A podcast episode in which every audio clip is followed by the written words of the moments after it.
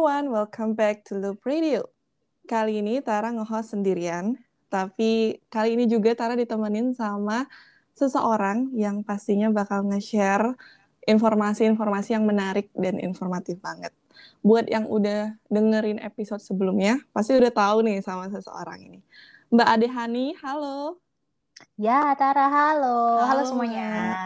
Apa kabar, Mbak?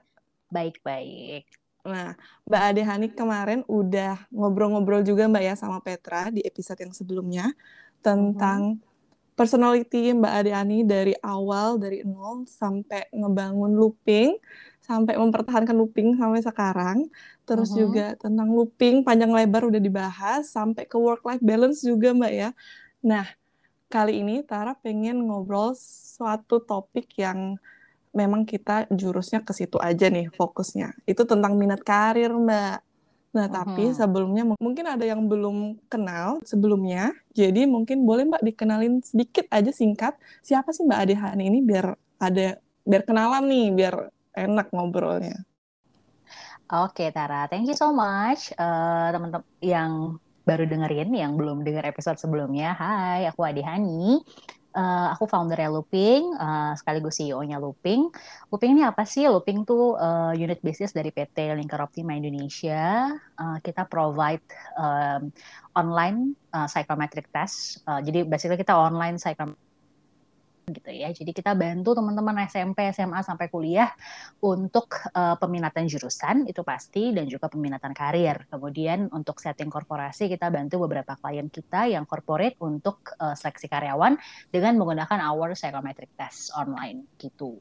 Another thing yang kita kerjain adalah eh, pelatihan baik online maupun offline gitu terkait dengan soft skills, kemudian juga beberapa pelatihan-pelatihan yang ditujukan buat ngebantu teman-teman yang masih muda-muda nih buat lebih siap menghadapi tuntutan pekerjaan di masa datang. Jadi lebih ke career preparation gitu. So far itu, Nah, my ini background lebih banyak ke eh, HR consulting.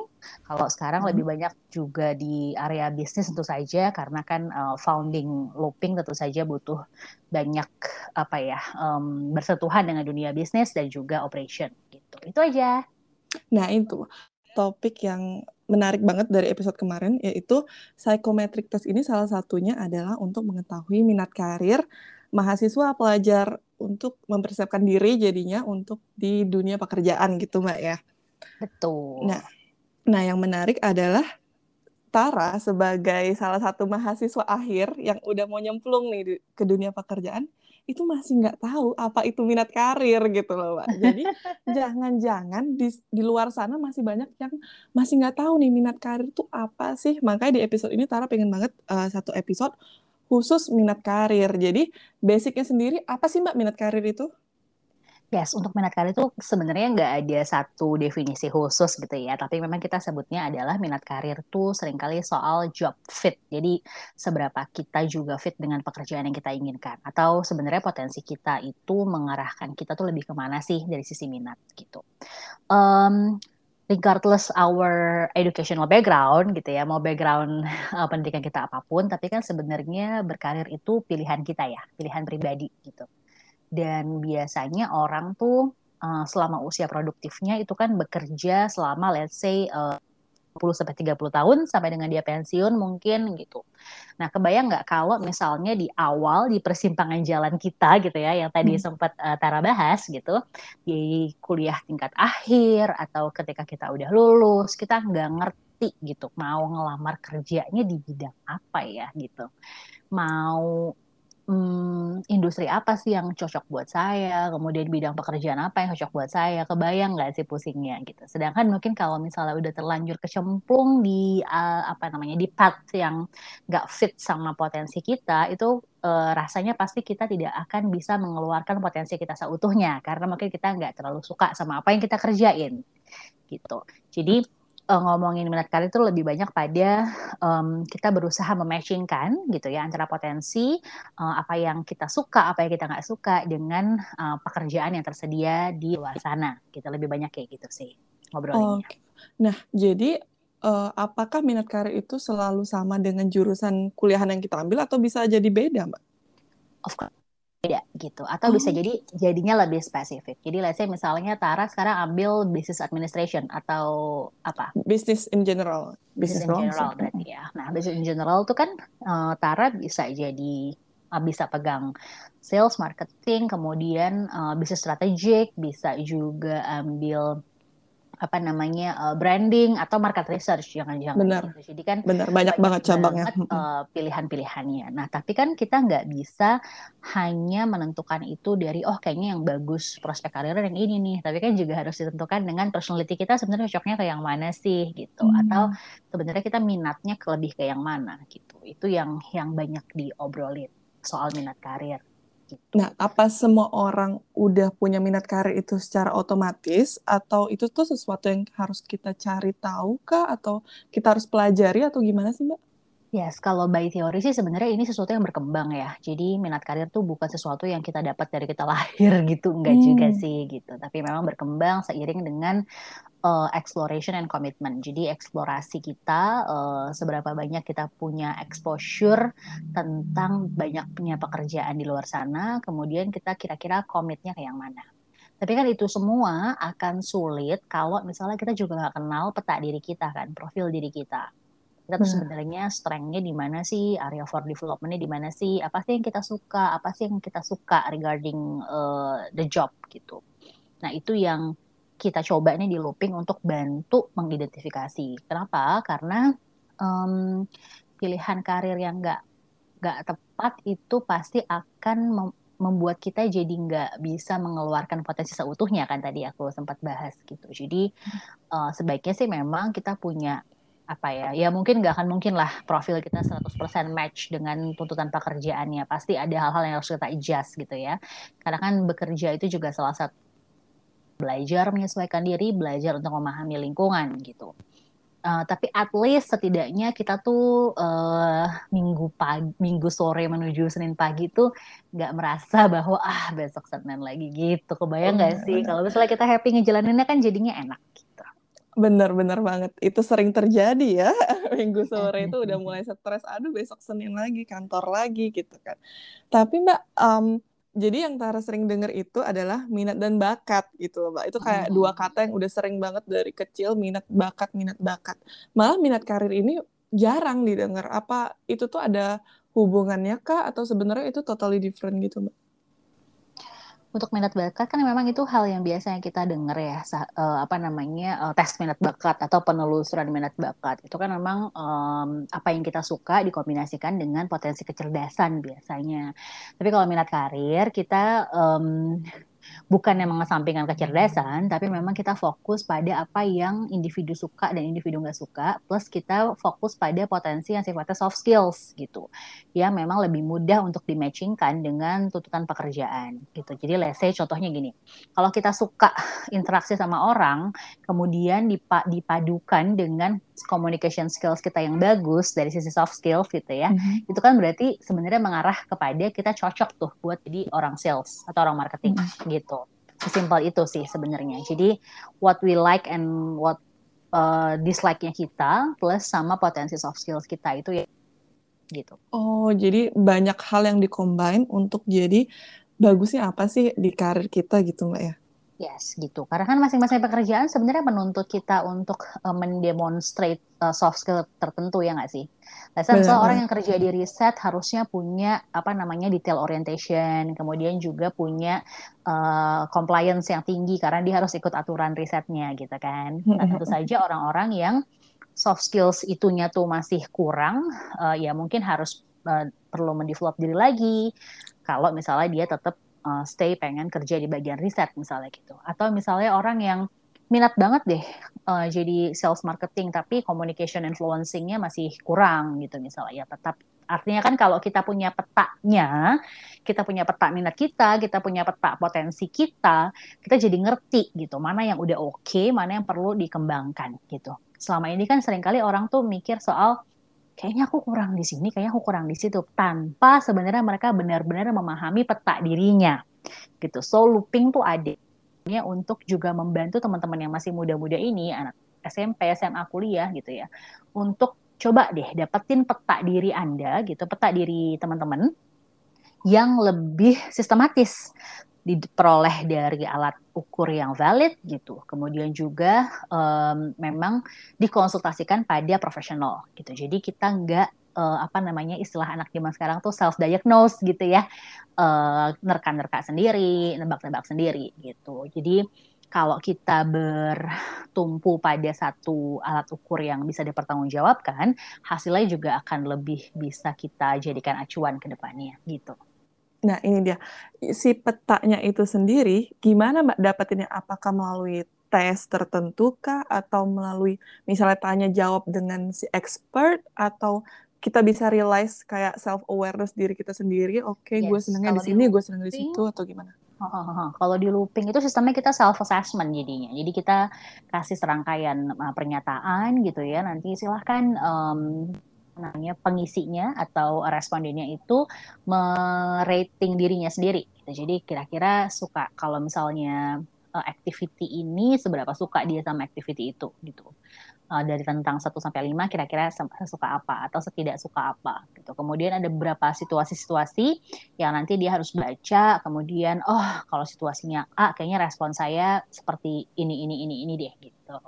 Jadi biasanya sih kalau di kita sistemnya self assessment jadi silahkan si peserta itu menilai dirinya sendiri berdasarkan sebuah situasi atau berdasarkan sebuah pernyataan yang kita tampilkan gitu. Semua sistemnya online jadi mereka juga bisa langsung akses dari smartphone-nya masing-masing. Oh, menarik banget. Jadi zaman sekarang online udah pasti gampang banget ya, Mbak ya. Yes. Nah, terus yang Tara yang Tara masih gimana ya? Bingung, bukan bingung sih, ini benar atau enggak soalnya uh, dari pengalaman Tara sendiri, Tara itu pas SMA itu hobi banget nonton YouTube perbakingan, ya kan? Terus oh. dari situ ngerasa kayak oke okay, gue tertarik banget nih sama dunia baking. Terus udah mulai merancang oke okay, gue bakal kerja uh, bakal ambil kuliah chef, terus kerja di uh, uh, ya perhotelan atau apa pun yang ada hubungannya sama pastry gitu. Ternyata setelah uh, kuliah, kuliahnya tuh ambil bisnis dulu karena orang tua pengennya ambil degree dulu. Terus abis itu Tara realize setelah ditampar juga dengan teman-teman yang bilang, gila lu organize banget ya orangnya, gila lu struktural banget gitu kan. Itu baru sadar, oh ternyata gue tuh orangnya struktural, organize, dan ngikutin uh, peraturan banget gitu. Jadi untuk baking kayaknya impossible deh karena menurut Tara baking sendiri itu sesuatu yang kreatif, yang otak kanan banget gitu kan. Nah, apa itu salah satu self diagnose yang bisa jadi salah atau itu uh, bisa aja sebenarnya untuk menentukan minat karir dengan kita kira-kira atau dengan orang kanan kiri kita menilai kita tuh bisa gitu. Bisa. Kita kan uh, tahu soal diri kita tuh nggak cuma bisa dari satu sumber ya. Uh, selalu kita bilang bahwa yang namanya pengukuran psikologi itu bukan satu-satunya sumber yang bisa dijadikan acuan dalam mengambil keputusan tentang individu. Kita selalu bilang gitu. Jadi oh. kalau di dunia psikologi itu kita selalu bilang bahwa uh, everything that you got from the assessment, from the test gitu, of course you need to combine it sama beberapa data lainnya gitu. Hmm. Biasanya pengalaman ataupun juga kalau di looping kita selalu sebut ada empat gitu ya. Kalau uh, menentukan minat karir tuh ada empat yang harus dipertimbangkan. Pertama adalah hasil minat hasil tes minatnya sendiri gitu ya. Your personality, kemudian juga academic achievement tentu saja, kemudian yang terakhir adalah your environment gitu. Jadi kita hmm. nggak pernah nyaranin bahwa eh kalau misalnya hasil tes bilang A maka lo harus ikutin ya A enggak enggak enggak, enggak, oh. gitu jadi biasanya kita selalu menyarankan untuk uh, hasil salah satu uh, aspek yang perlu dipertimbangkan dalam mengambil keputusan tapi don't forget that you are a human yang mm-hmm. sangat dinamis gitu ya kita punya um, lingkungan uh, of course kita punya orang tua yang pasti mungkin juga punya uh, pendapat sendiri tentang diri kita. Uh, yang paling gampang adalah sebenarnya jadikan hasil uh, psychometric test kita sebagai salah satu aspek dalam mengambil keputusan, tapi you uh, you also um, need another data yang juga penting untuk dipertimbangkan dalam mengambil keputusan gitu. Benar. Jadi si tes ini salah satu data yang bisa mensupport kita ini loh bagusnya kamu di sini ini kamu nggak bagusnya di sini gitu. Jadi yes. cuman sebagai bentuk bantuan aja gitu mbak ya Seben masih banyak faktor lain yang yes. mempengaruhi itu. Oh gitu. tentu saja gitu. Kita biasanya kalau di sekolah-sekolah tuh kita kasih frameworknya tuh. Jadi uh, dalam mengambil keputusan tentang jurusan tentang karir itu ada empat yang harus dipertimbangkan. Pertama tadi si hasil tesnya kemudian juga personality-nya dan juga uh, tadi academic academic achievement di sekolah mm -hmm. tuh dia oke okay di nilai yang mana sih gitu. Mm -hmm. Kemudian yang terakhir adalah environment. Environment tuh bisa jadi pendapat orang tua, pendapat guru, pendapat orang terdekat ataupun another significant person yang menurut dia penting itu. Nah, kata Mbak kan kita sebagai human pasti dinamis, berubah-berubah sesuai lingkungan. Kapan sih bagusnya kita tahu nih minat karir kita atau kita uh, mengambil tes itu kapan waktu range waktu yang pas itu. Takutnya misalnya uh, eh, SMA oh ternyata kecepatan nih misalnya. Ntar kuliah udah berubah lagi minat karirnya gitu. Itu hmm, hmm, hmm. kapan sih range waktu yang pas gitu? Uh, kalau di looping biasanya sih kita akan sarankan kalau teman-teman yang masih SMP ambillah tes yang uh, menentukan jurusan yang tepat buat mereka atau cocok buat mereka di SMA gitu. Kalau anak okay. SMA biasanya kita sarankannya adalah mau kuliah apa, mau jurusan kuliah apa gitu. Jadi uh, kalau soal karir itu bukan lagi bicara soal uh, mau jadi dokter, mau jadi insinyur atau mau jadi apa, tapi lebih spesifik sebenarnya kita bicara uh, di area-area uh, yang terkait dengan tuntutan pekerjaan. Jadi lebih banyak kita tuh cocoknya di area yang banyak ketemu orang gitu ya. Terus kemudian juga business sense banget di situ atau jangan-jangan kita cocoknya di riset atau jangan-jangan kita cocoknya di something yang lebih uh, lekat dengan operasional gitu. Jadi kalau minat karir itu di looping kita ngobrolinnya pada sesuatu yang agak lebih nempel pada fungsi-fungsi organisasi gitu tar. Jadi mm -hmm. bukan bukan soal eh minat karir gue gue pengen jadi dokter, insinyur dan lain-lain enggak enggak gitu. Jadi kalau di looping tuh minat karir kita ngobrolinnya juga soal apa yang kita suka dan dan nggak suka dari sebuah pekerjaan. Mm. Tapi memang kita lebih spesifik pada fungsi-fungsi yang ada di organisasi. Jadi kalau ada satu tipe nih di hmm. tes minat karir itu bener-bener isinya tuh kayaknya orang-orang sales, marketing, terus komersial gitu. Itu itu adanya di situ. Ada lagi satu satu kutub sendiri atau satu pool sendiri isinya tuh orang-orang riset tuh kayaknya di situ gitu. Ada lagi yang tenang sama aturan dan lain sebagainya. Itu. Jadi lebih banyak uh, minat karirnya ditempelkan terhadap uh, fungsi-fungsi yang ada di organisasi. Oh gitu. Jadi minat karir itu bukan berarti ketika kita mau masuk dunia pekerjaan berarti bisa juga diambil ketika kita mau kuliah gitu mbak ya, untuk mencari jurusan mana sih yang tepat. Nah tapi gimana kalau misalnya kita udah di dunia perkuliahan nih, udah di akhir-akhir, terus hmm. ketika ambil minat karir jauh berbeda mbak sama apa yang kita ambil itu gimana? Uh, it's okay, it's okay. Jadi misalnya gini, um, Tara misalnya ambilnya bisnis, tapi ternyata -hmm. orangnya ikut aturan banget gitu misalnya, -hmm. dan nggak apa-apa juga kan, misalnya gini, siapa sih orang R&D yang nggak harus mempertimbangkan aspek bisnis?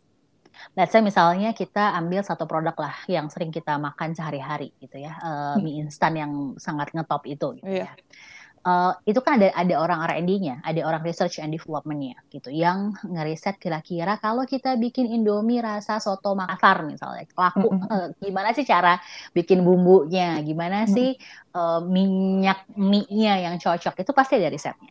Tapi nggak bisa juga serta merta orang riset ini tiba-tiba munculin gitu ide tentang eh gimana kalau kita bikin Indomie rasa sesuatu yang kayaknya makanan yang aneh banget yang nggak akan laku di pasar So for me uh, selalu akan ada complementary gitu antara apa yang kita pelajarin uh, di kuliah dengan apa yang kita kerjain di dunia kerja. Jadi aku nggak pernah bilang ke teman-teman yang masih muda-muda bahwa uh, ya sia-sialah lo kuliah A tapi kerjanya B. Enggak, enggak, gitu. Karena kuliah itu adalah soal pola berpikir sebenarnya. Yang kita pelajarin bukan hanya subjeknya, tapi bagaimana cara berpikir sistematis, bagaimana mengkombinasikan satu uh, knowledge dengan knowledge lainnya untuk memformulasikan sesuatu yang baru dan lain sebagainya dan juga metode berpikir sistematis itu yang yang yang juga penting dari apa yang kita pelajari di perguruan tinggi kan sebenarnya gitu. Nah jadi aku nggak pernah bilang bahwa uh, aku jarang banget lah bilang bahwa ya sia-sia dong ininya gitu uh, sekolahnya relatif nggak pernah lah uh, obrolan itu ada. Tapi kalau udah terlanjur ngambil sesuatu, kemudian um, kita kayaknya juga tertarik dengan yang lain, ya kenapa nggak coba aja ikutan tes minat karir di looping untuk tahu sebenarnya potensi kita tuh mengarahnya ke mana, apa yang kita suka dan apa yang kita nggak suka itu. Hmm, setuju banget. Nah, tapi ada nggak, Mbak? Misalnya dia udah ambil nih, udah ambil tes, dia udah tahu hasilnya minat karirnya di jalannya ini ini ini, tapi dia ngerasa denial gitu karena Enggak ah, gue nggak ngerasa gitu. Itu ada nggak sih cerita-cerita kayak gitu, Mbak? Ada, ada. Selalu ada. Maksudnya oh. uh, dalam konteks apa pun yang namanya pengukuran psikologi itu, orang sangat mungkin denial sama hasilnya. Nggak usah yang tes begini, yang yang uh, apa namanya pro, profil uh, assessment dari orang yang mungkin sudah bekerja bertahun-tahun, terus kita cek uh, apa namanya kompetensinya atau profil personality-nya itu banyak banget yang denial gitu. Hmm. Banyak banget yang uh, kayaknya it's not me gitu. But that's okay, that's okay. Uh, balik lagi tadi yang aku bahas bahwa manusia tuh sebenarnya uh, dinamis. Bisa jadi um, yang kita potret. Jadi aku selalu selalu memberikan analogi bahwa pengukuran psikologi itu kayak motret orang gitu. Bisa jadi ketika hmm. dipotret the angle itu lebih lebih ke kiri atas gitu. Ah, iya. Tapi kan un, uh, you as a human itu kan gak cuma bagian kiri atas, bisa jadi ada bagian kanan bawah, kanan atas dan lain sebagainya gitu kan. Uh, dan kita kan makhluk tiga dimensi, pasti tentu saja mungkin ada yang gak kelihatan gitu. Kalau potret kan relatif dua dimensi gitu. Nah, jadi aku selalu analogikannya adalah yang namanya pengukuran psikologi, tes, assessment atau apa pun itu namanya gitu. Itu tuh kayak kita motret. Kita tuh motret di satu waktu tertentu dengan angle tertentu pasti nggak akan bisa menggambarkan all of you gitu. Yang mungkin hmm. nggak kerekam saat itu. Dan juga kan pengukurannya hanya dilakukan misalnya let's satu jam atau sampai dengan dua dua tiga jam gitu. Pasti kan nggak akan optimal menangkap seluruh uh, apa ya seluruh um, aspek tentang diri kita gitu. Mm. Nah itu yang juga perlu dipertimbangkan. That's why makanya kita selalu sarankan bahwa yang namanya hasil assessment, hasil psychometric test itu nggak boleh menjadi satu-satunya dasar dalam mengambil keputusan tentang individu gitu. Tadi okay. yang dibahas ada empat kan uh, yang perlu dibahas dal yang perlu dipertimbangkan dalam mengambil keputusan tentang minat jurusan ataupun minat karir, yaitu hasil tesnya, personality-nya, kita orangnya kayak apa, kemudian juga uh, environment dan juga academic achievement seperti itu. Nah, walaupun misalnya si minat karir ini adalah salah satu dari si banyak angle tadi, sebenarnya kalau kita nggak tahu minat karir dan kita terjun ke dunia pekerjaan, bahaya nggak sih, Mak? Atau ada uh, akibat-akibatnya yang bisa kita dapetin?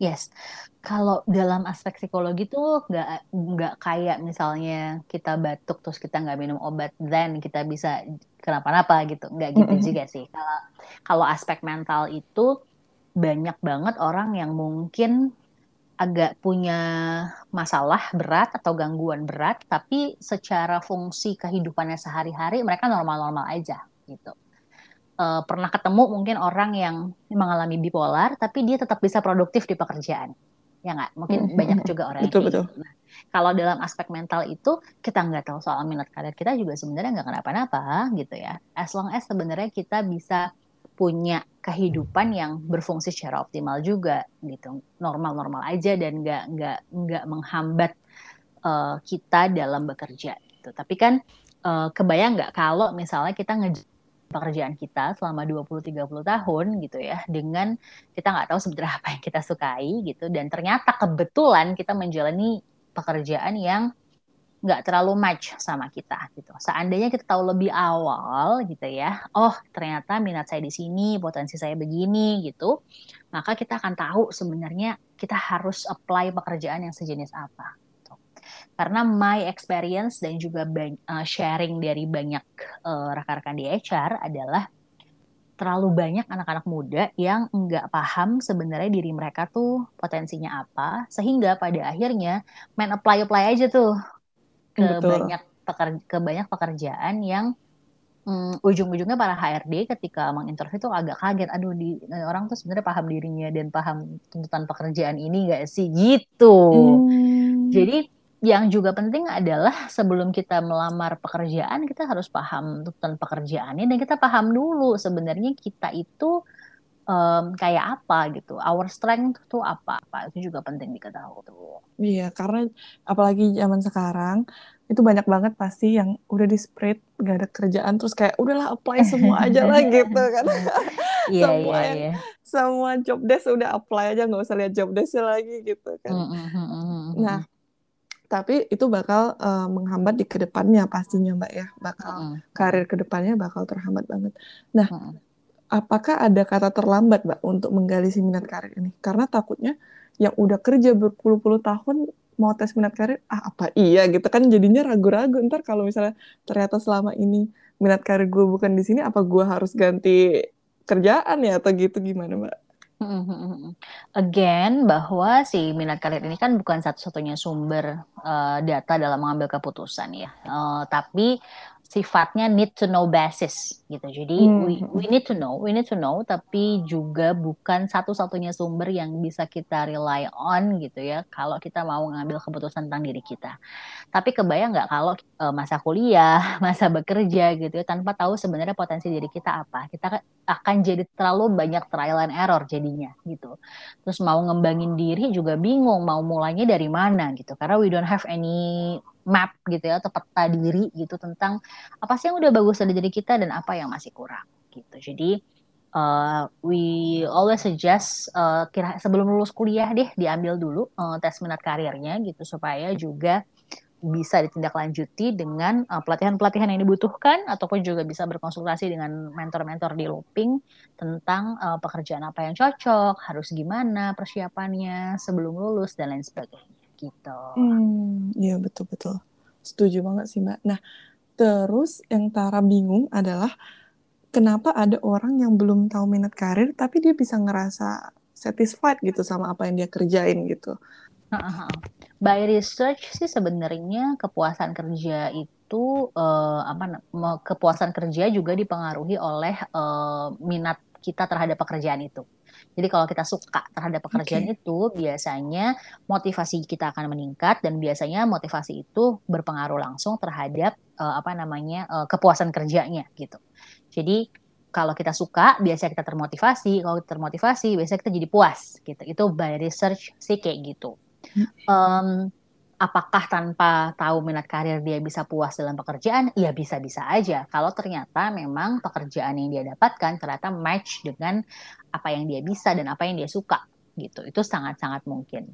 Tapi pada akhirnya yang perlu dihindari adalah kita tuh kayak orang kebingungan di tengah-tengah gitu kan itu yang nggak kita oh, inginkan okay. ya. Yep. Uh -uh. Dan uh, pada dasarnya sih kalau uh, riset yang kita temukan adalah 8 persen mahasiswa tuh masih bingung uh, soal mereka tuh mau ngapain setelah lulus gitu.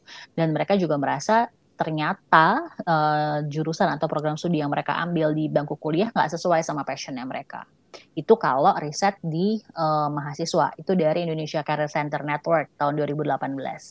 Ada juga sih riset dari Youth Manual atau sekarang nama perusahaannya Rencanamu tahun 2018 gitu ya yang bilang bahwa 92% siswa SMA atau SMK bingung nih nggak tahu mau jadi apa setelah lulus. Nah, ini riset aktual Indonesia ya.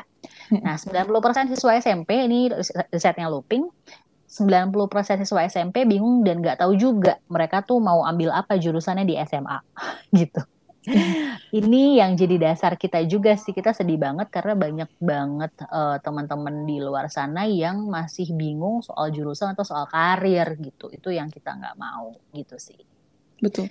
Padahal kita sebagai generasi muda justru kan kualitasnya makin ke sini makin harusnya makin bagus ya Mbak ya. Terus sayang banget jadinya kalau misalnya kita nggak tahu tujuannya dari awal. Jadi kita nggak bisa mempersiapkan diri dan dan mempersiapkan skill-skill yang dibutuhkan untuk ke depannya mbak ya. Betul. Dan kondisinya Indonesia itu kan lagi um, kebanjiran jumlah orang-orang dengan usia produktif Betul. Jadi uh, piramida penduduknya lagi gendut di tengah gitu. Jadi orang dengan usia 15 sampai 45 tahun tuh lagi banyak-banyaknya. Kebayang nggak kalau kita aja bingung soal diri kita, terus kita harus bersaing dengan segitu banyak orang gitu itu kebayang ininya sih, yeah. kebayang kebingungannya. Sedangkan juga Betul. kan masa-masa remaja secara psikologis tuh bukan sesuatu yang gampang untuk dilalui gitu masa-masa SMA dan kuliah itu kan remaja menuju dewasa awal gitu ya. Itu juga bukan fase transisi yang mudah gitu. Itu itu another challenge yang juga harus teman-teman generasi muda hadapin gitu. soal pengenalan diri pencarian jati diri itu kan juga satu isu sendiri. Nah dengan segitu banyak isu dan segitu banyak challenges yang harus mereka hadapi gitu uh, Kuping sih pada dasarnya ingin sekali membantu untuk mereka mendapatkan orientasi yang lebih jelas tentang dirinya dan orientasi yang lebih jelas juga tentang masa depannya seperti itu. Betul betul. Nah untuk ngebahas minat karir selain uh, misalnya tadi ada psychometric test, kita bisa nggak uh, tanya jawab dengan si expert atau hanya dengan tes ini kita jadi tahu si minat karir kita? Tentu saja ada banyak metode ya kalau -hmm. di Hmm, kalau di dunia minat karir tuh biasanya kan uh, kita juga bisa ngobrol sama orang yang berinteraksi sama kita at least 6 bulan terakhir gitu. Jadi nanya sama mentor, misalnya nanya sama guru, orang tua dan lain sebagainya. Tapi at least pastikan mereka mengenal kita dengan baik atau setidaknya berinteraksi intens dengan kita 6 bulan terakhir, setidaknya seperti itu. Okay. Jadi uh, sangat mungkin itu kita sebutnya sih ya cari feedback ya kita sebutnya cari feedback dari orang-orang terdekat gitu.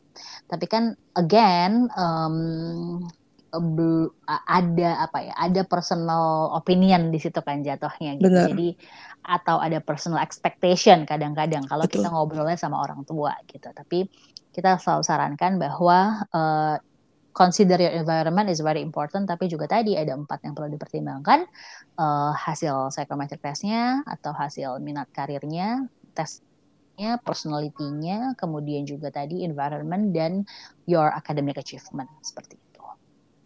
Nah, dari minat karir sendiri di Indonesia khususnya yang kekeluargaan banget, yang mau ngambil jurusan apa tuh masih tergantung orang tua, mau ngambil kerjaan apa masih tergantung orang tua. Nah, ini juga bisa salah satu jadi pendorong Mbak ya jadinya kayak ini loh mah sesuai ini loh pas sesuai sesuai tesnya saya memang ada kok uh, minat di sini dan memang ke depannya bisa jadi bagus untuk karir saya gitu mbak ya Yes, itu sangat bisa. Beberapa hmm. obrolan kita sama teman-teman peserta tes itu uh, adalah uh, hasil tes ini sebenarnya sangat bisa jadi jembatan buat membangun komunikasi justru sama orang tua gitu. Oh, iya. uh, sering kali kan memang teman-teman yang masih muda-muda ini tuh kekeh dengan maunya ini pokoknya. Betul. Sedangkan orang tua juga mungkin uh, merasa tahu yang lebih baik karena punya pengalaman di masa lalu gitu.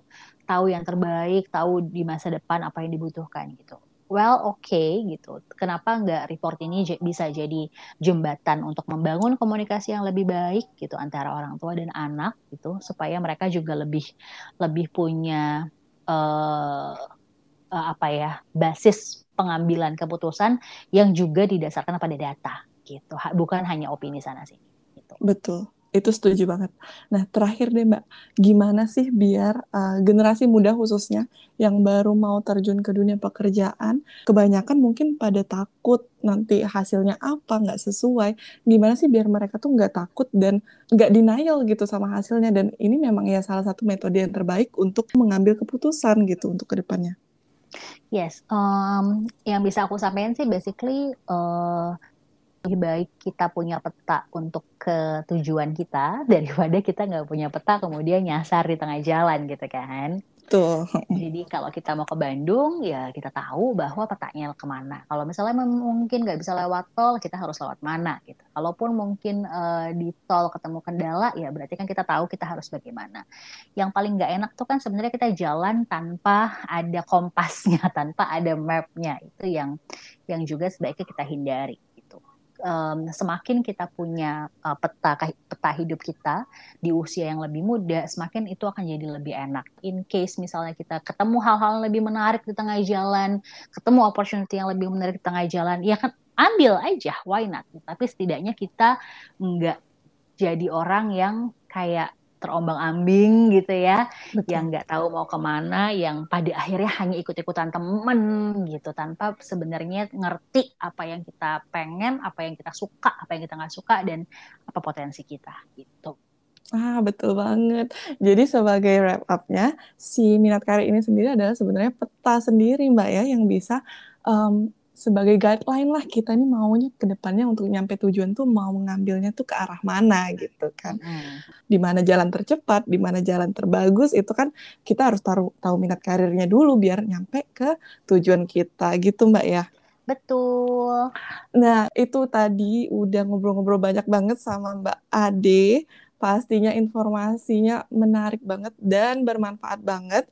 Uh, mungkin ke depannya kita bakal banyak ngobrol-ngobrol ya Mbak. Kita bisa ngobrol soal gimana cara mungkin meyakinkan orang tua, bisa ngobrol tentang uh, bakat ke depannya yes, banyak boleh. banget obrolan yang masih bisa kita gali-gali dari Pak Ade.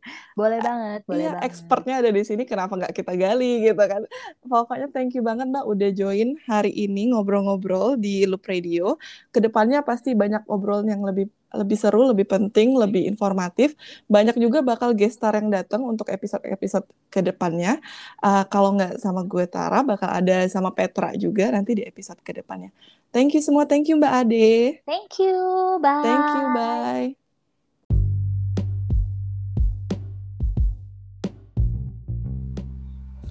Hai, thank you udah dengerin. Jangan lupa stay tune untuk episode kita selanjutnya ya. Jangan lupa follow Instagram kita juga. See you.